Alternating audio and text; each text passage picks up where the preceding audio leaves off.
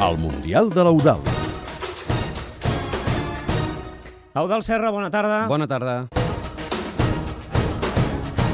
Avui debut a Bèlgica és una de les seleccions que més expectatives ha aixecat a la fase prèvia i és que els belgues, ens ho apuntava el Xavi Campos, no tenien un equip que il·lusionés tant des de fa molts anys. Feia 12 anys que Bèlgica no es classificava per un Mundial des de la Copa del Món de Corea i el Japó el 2002 i ara ho ha fet amb un equip jove i amb molt de talent. Per molts seguidors belgues han fet falta gairebé 30 anys per tornar a tenir una selecció com la de la dècada dels 80, que va aconseguir els èxits més importants del futbol belga. En aquella dècada dels 80, Bèlgica destacava a nivell de clubs amb l'Anderlecht, l'Estàndard de Lieja o el Bruges i també amb la selecció.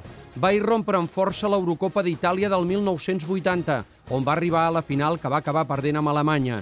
Dos anys més tard, al Mundial d'Espanya, inauguraven el campionat amb una impactant victòria contra l'Argentina, la vigent campiona del món. Però Polònia els barrava el pas a les semifinals després de fer una gran primera fase.